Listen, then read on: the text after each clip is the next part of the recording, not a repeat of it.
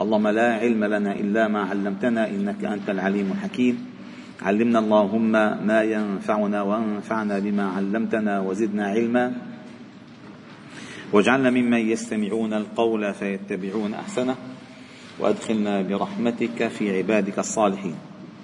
وبعد. ربنا اشرح لنا صدورنا ويسر لنا أمورنا واحلل عقد ألسنتنا ليفقه الناس قولنا. ربنا آمنا بما أنزلت واتبعنا الرسول فاكتبنا مع الشاهدين. إلهنا مولانا أنت رب العالمين اهدنا واهدي بنا واجعلنا سببا لمن اهتدى.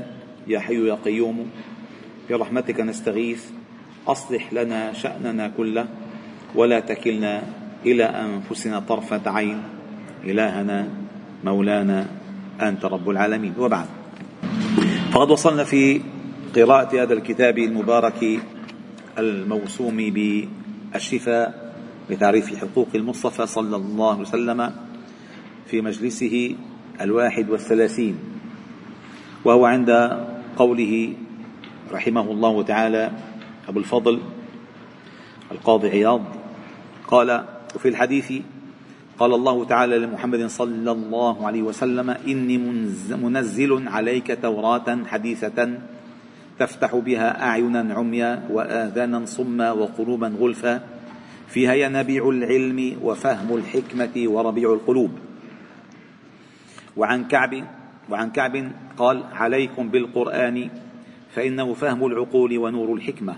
وقال الله تعالى إن هذا القرآن يقص على بني إسرائيل أكثر الذي هم فيه يختلفون. وقال تعالى هذا بيان للناس وهدى وموعظة للمتقين.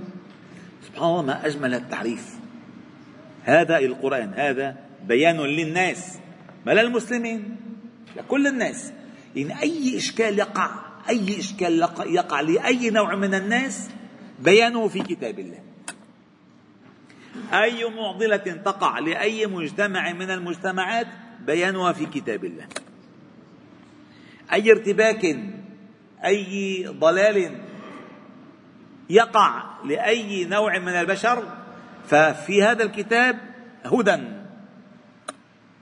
أي إصلاح؟ أي إصلاح؟ أي تقويم يريده مجتمع من المجتمعات في هذا الكتاب؟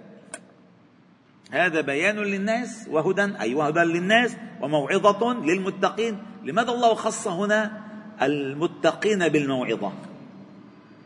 لأنهم فتحوا له قلوبهم. لأنهم فتحوا له قلوبهم فيقوى الانتفاع بهذا الكتاب أكثر من غيرهم. ثم قال فجمع فيه مع وجازة ألفاظه وجوامع كلمه أضعاف ما في الكتب قبله التي ألفاظها على الضعف منه مرات. ومنها أي من وجوه إعجازه جمعه فيه ما بين الدليل ومدلوله وذلك أنه احتج بنظم القرآن وحسن رصفه وإيجاز بلاغته. إن هو القرآن إعجازه بلغته وإعجازه بأحكامه. ما بس بألفاظه بل بمدلولاته. إن هو في بيانه معجز وفيما دل وفيما دل عليه بيانه معجز. إن الله تعالى عندما أمر مثلا آه، بالصلاة. قال عفوا بالوضوء. يا أيها الذين آمنوا إذا قمتم فاغسلوا وجوهكم وأيديكم. صحيح.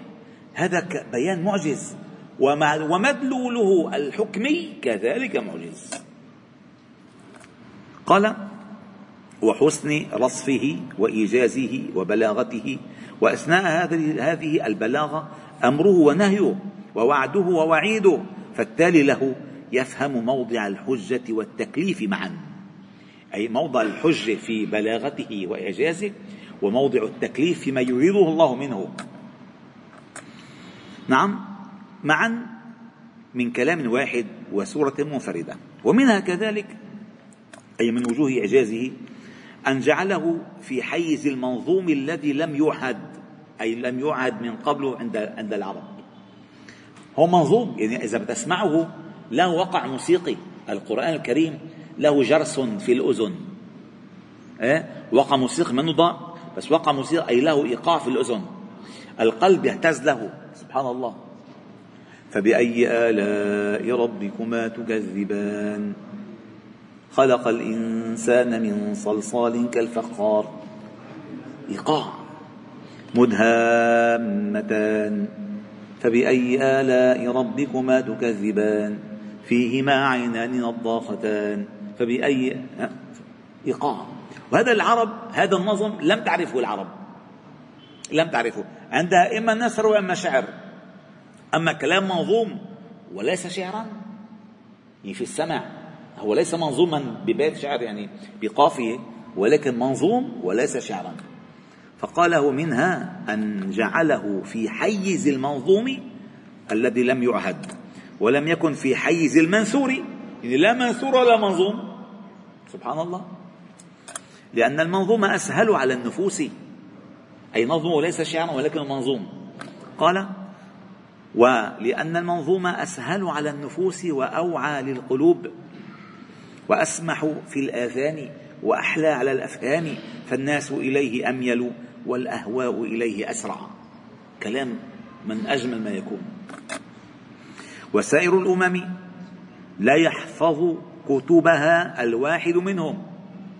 يعني جيب لي واحد هلأ بالعالم حافظ القانون لأي دولة عايش فيها بالتفصيل كله. أبدا. ما في ما حد بيحفظ. بيرجع مرجع. أما ملايين البشر من المسلمين حافظين كتاب الله تعالى كله. فهموا أم لم يفهموا؟ حافظينه. قال وسائر الأمم لا يحفظ كتبها الواحد منهم فكيف الجماء أي الكثرة على مرور السنين عليهم والقرآن ميسر حفظه للغلمان في أقرب مدة. سبحان الله. كنا بالدورة الصيفية فوق في في الضمنية. شاب شاب صغير عمره 14 سنة. أنا حفظ كتاب الله في ستة أشهر. ستة أشهر. ستة أشهر خلص. الله أكبر. ما شاء الله. فقال وسائر الأمم نعم. ومنها كذلك مشاكلة بعض أجزائه بعضا وحسن ائتلاف أنواعها والتئام أقسامها وحسن التخلص من قصة إلى أخرى والخروج من باب إلى غيره على اختلاف معانيه وانقسام السورة الواحدة على أمر ونهي وخبر واستخبار ووعد ووعيد وإثبات نبوة وتوحيد وتقرير وتوحيد وتقرير وترغيب وترهيب إلى غير ذلك من فوائده دون خلل يتخلل فصوله. مضبوط قال والكلام الفصيح إذا اعتوره أي إذا خلطه. إذا اعتبره مثل هذا ضعفت قوته. كنا عم نحكي بموضوع تغير الأسلوب تغير المحل. والكلام الفصيح في في العربي إذا اعتوره أي إذا لحقه وخالطه مثل هذا ضعفت قوته ولانت جزالته وقل رونقه وتقلقلت ألفاظه. فتأمل مثلا أول سورة صاد وما جمع فيها من أخبار الكفار وشقاقهم وتقريعهم بإهلاك القرون قبله مين عم يحكي هونيك؟ حاج وصف روق شوي بس لو سمحت في صفحة شو اسم الصفحة؟ س...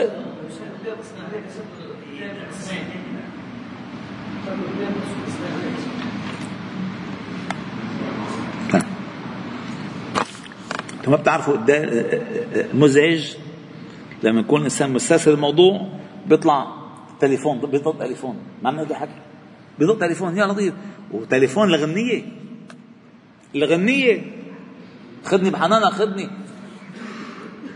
بكون عم بصلي بضوء بغنية. سبحان الله. كيف يقول عني حطها هو؟ شو هذا بتفزع؟ فقال فتأمل أول سورة صاد. وما جمع فيها من أخبار الكفار وشقاقهم وتقريعهم بإهلاك القرون من قبلهم وما ذكر من تكذيبهم بمحمد صلى الله عليه وسلم وتعجبهم مما أتى به والخبر عن اجتماع ملئهم على الكفر وما ظهر من الحسد في كلامهم وتعجيزهم وتوهينهم ووعيدهم بخزي الدنيا والآخرة وتكذيب الأمم قبلهم وإهلاك الله لهم ووعيد هؤلاء مثل مصابهم وتصبير النبي صلى الله عليه وسلم على أذاهم. اصبر على واذكر عبدنا داود ذي العيد وتسليته بكل ما تقدم ذكره ثم أخذ في ذكر داود وقصص الأنبياء. كل هذا في أوجز كلام وأحسن نظام. فعلا إذا بتقرأ سورة صاد ولو المقام يتسع والله لقرأتها لها لكم كلها. رائعة سورة صاد سورة صاد بتهز هيك هيك. كيف حرف الصاد بيعمل صاد. هيك. من أول لآخر وآخر آية فيها ولا تعلمن نبأه بعد حين. يا الله. من أول لآخر كلها هز كلها هز. ولم ولا يشابهها شيء في القرآن أبدا سورة الصلاة لا يشابهها شيء أبدا. وفيها قصص ما ذكرت أبدا إلا في سورة الصاد. سليمان والخيل. سليمان والشمس. من من ذكرت سبحان الله. فقال ومنها الجملة الكثيرة التي انطوت عليها الكلمات القليلة بس كل معاني. وهذا كله وكثير مما ذكرنا أنه ذكر, ذكر في إعجاز القرآن إلى وجوه كثيرة ذكرها الأئمة لم نذكرها إذ أكثرها داخل في باب بلاغته فلا يجب أن يعد فنا منفردا في إعجازه إلا من باب تفصيل فنون البلاغة وكذلك كثير مما قدمنا ذكره ذكره عنهم يعد في خواصه وفضائله لا إعجازه. وحقيقة الإعجاز الوجوه الأربعة التي ذكرناها في أول الباب فليعتمد عليها وما بعدها من خواص القرآن وعجائبه التي لا تنقضي وبالله التوفيق. قال فصل الآن سيبدأ بذكر المعجزات الظاهرة التي أكرمها الله تعالى للنبي صلى الله عليه وسلم. وبدأ بأجلها بعد القرآن. بدأ بأجلها بعد القرآن. قال فصل في انشقاق القمر وحبس الشمس. في انشقاق القمر وحبس الشمس. قال الله تعالى اقتربت الساعة وانشق القمر. وإن يروا آية يعرضوا ويقولوا سحر مستمر. أخبر الله تعالى بوقوع انشقاقه بلفظ الماضي. انشق القمر. انشق يعني مضى انشقاقه. وإعراض الكفرة عن آياته. وأجمع المفسرون وأهل السنة على وقوعه. وأخبرنا قال أخبرنا الحسين بن محمد الحافظ من كتابه. حدثنا القاضي سراج ابن عبد الله حدثنا الأصلي حدثنا المروزي حدثنا الفربري حدثنا البخاري حدثنا مسدد. إن حديث من رواه البخاري. هذا سند. حدثنا مسدد حدثنا يحيى عن شعبة وسفيان عن عن الأعمش عن إبراهيم عن أبي معمر عن ابن مسعود رضي الله عنه. قال انشق القمر على عهد رسول الله صلى الله عليه وسلم فرقتين.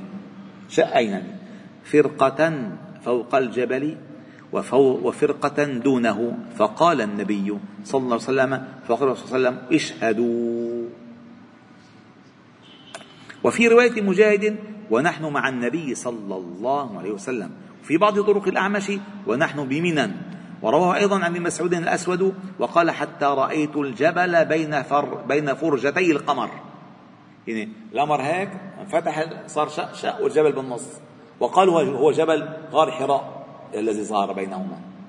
سيأتي ذكره ورواه عنه مسروق أنه كان بمكة وزاد فقال كفار قريش سحركم ابن أبي كبشة. يعنون, يعنون محمدا صلى الله عليه وسلم.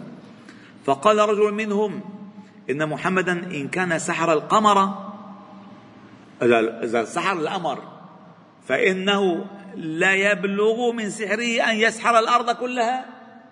إذا وصل على القمر بالسحر أكيد سحر العالم كله. يعني بدل ما يزدادوا آه، آه، آه، إيمان يزدادوا كفر. دليل أنه سحر العالم دليل أنه هو ساحر نوصل سحر على القمر فإذا سحر القمر ما يسحر الأرض؟ سحر مستمر يا لطيف. فسألوا قال فسألوا فاسألوا من يأتيكم من بلد آخر. هل رأوا هذا؟ فأتوا فسألوهم فأخبروهم أنهم رأوا مثلها ذلك. وحكى السمرقندي عن الضحاك نحوه وقال فقال أبو جهل هذا سحر.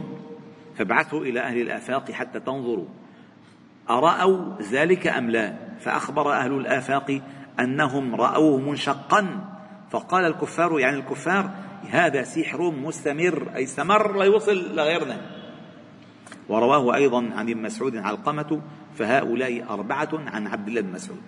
وقد رواه غير ابن مسعود كما روى ابن مسعود منهم أنس وابن عباس وابن عمر وحذيفة وعلي وجبير بن مطعم فقال علي من رواية أبي حذيفة الأرحبي انشق القمر ونحن مع النبي صلى الله عليه وسلم. وعن أنس سألوا سأل أهل مكة صلى الله عليه وسلم أن يريهم آية. أرجنا آية؟ فأشار إلى القمر فأراهم انشقاق القمر فرقتين حتى رأوا حراء بينهما. رواه عن أنس قتادة. وفي رواية معمر وغيره عن قتادة قال عنه أراهم القمر في في لفظ مرتين وفي لفظ فرقتين. انشقاقه فنزلت اقتربت الساعة وانشق القمر. ورواه عن جبير بن مطعم ابنه محمد وابنه وابن ابنه جبير ابن محمد. وروى عن عباس عبيد الله بن عبد الله بن عتبة. ورواه عن ابن عمر مجاهد.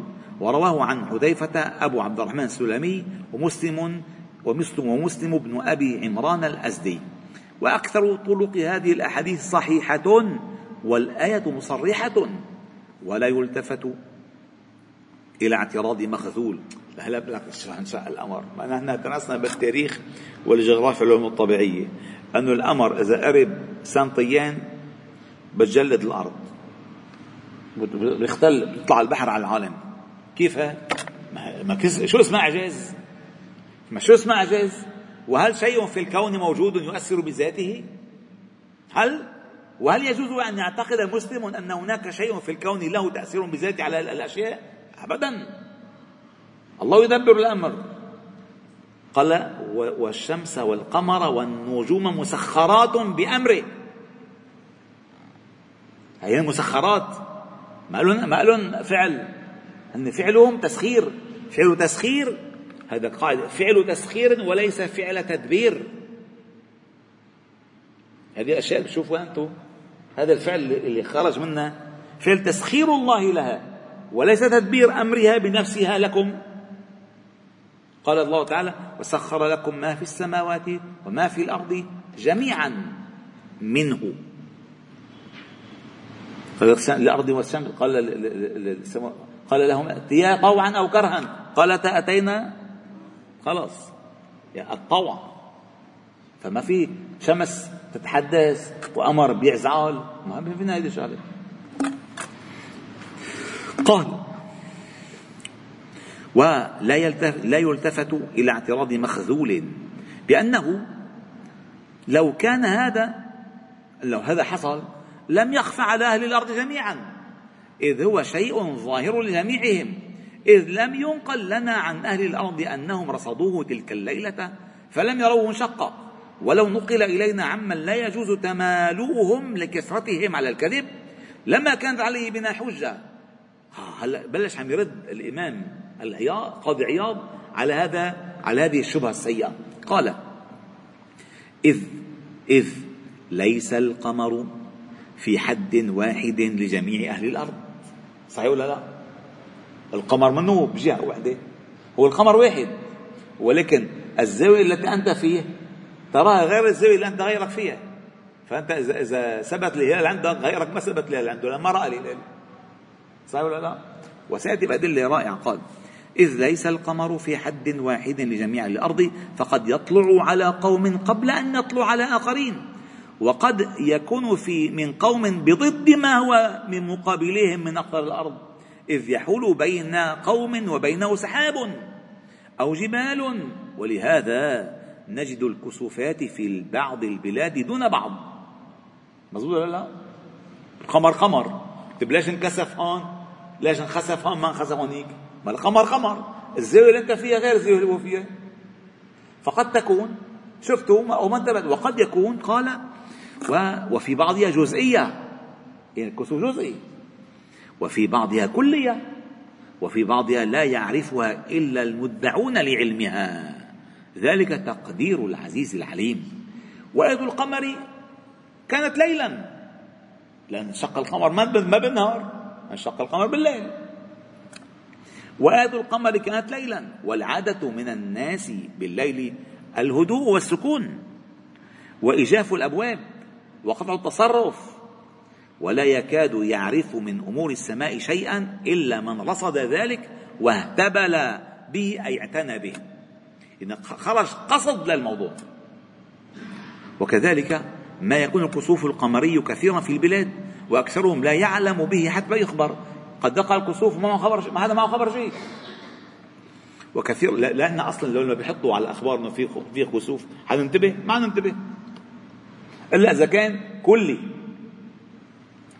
وأكثرهم لا يعلم به حتى يخبر.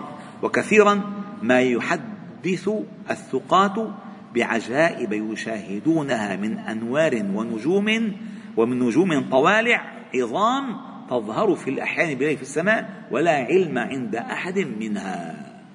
صحيح. الراصد معه تلسكوب؟ وعم يشوف عم يراقب وخرج الطحاوي في مشكل الحديث عن أسماء بنت عميس من طريقين. أن النبي صلى الله عليه وسلم كان يوحى إليه. ورأسه في حجر علي بن أبي طالب. فلم يصلي العصر حتى غربت الشمس. فقال صلى الله عليه وسلم لعلي أصليت يا علي؟ قال لا. يعني علي ما صلى علي ما النبي صلى الله عليه وسلم علي ما صلى العصر حتى غربت الشمس. فقال له صلى الله عليه وسلم أصليت يا علي؟ قال لا. فقال صلى الله عليه وسلم اللهم إن كان في طاعتك وطاعة رسولك فاردد عليه الشمس. فقالت أسماء فرأيتها غربت ثم رأيتها طلعت بعدما غربت ووقفت على الجبال والأرض وذلك بالصهباء في خيبر أي جبل الصهباء في خيبر. وهذان الحديثان ثابتان ورواتهما ثقات. وحكى الطحاوي أن أحمد ابن صالح كان يقول لا ينبغي لمن كان سبيله العلم التخلف عن حفظ حديث أسماء لأنه من أجل علامات النبوة. اسمعوا هلا اسمعوا كنت اسمعوا شيء حلو هلا اسمعوا. قال وروى يونس أو يونس بن بكير عن زيادة في زيادة المغازي في روايته عن ابن إسحاق قال لما آه، قبل ما نوصل على هون قال هذا الحديث تبع الشمس آه، علماء الشيعة علماء الشيعة أو سمع علماء الروافض. من جهلهم اعتبروا ذلك منقبة لعلي. هو الأصل يضعوا لعلي. لعلي قال له يا رسول الله صلاة العصر قبلي؟ طيب يا شمس ارجعي صلي مثله للنبي. هو هيك صار؟ ما صار هيك. هو ما صار هيك لأنه سلم سأله قال له صليت قال له قال هذا كنت في طاعة الله وطاعة رسوله فرد الله عليه الشمس حتى يصلي ثم غابت فالذي فعلت لاجله النبي وليس علي. بس اللي يعني براسه مثل الغبي ما حيفهم شو دخل عادي بالموضوع؟ شو دخل بالموضوع؟ هو للنبي وليس لعلي. صلى الله عليه وسلم. قال إن كان في طاعتك وطاعة رسولك فردد عليه الشمس. فالنبي هو الذي طلب. ليش كان في خدمته؟ يعني مثلا أعطيك مثل بسيط. ابن عباس العلم اللي عنده لأنه ابن عباس ولا أنه مثلا دعوا له. من دعوا له؟ قال ضمه إليه قال الله ما فقهه في الدين وعلمه التأويل. ما لأنه ابن عباس ولا في ابناء عمه غيره ما صار لهم هيك. فالناس هلا بيروحوا. أصلا بالقاعدة من الحسين لولا علي ومن علي لولا النبي؟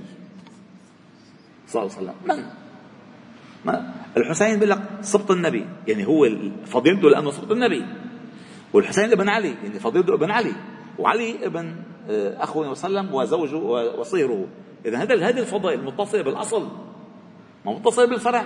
تصور آه، آه، النبي صلى الله عليه وسلم له فضيلة لأن الحسين سبطه. قلبوا الحقائق إنه؟ أعوذ بالله من الضلال. إيه، لكن لكن كيف عيسى عليه السلام بشر من بعد بعد اسمه أحمد؟ كمان روح بشر بعلي شو هذا الضلال هذا المبين؟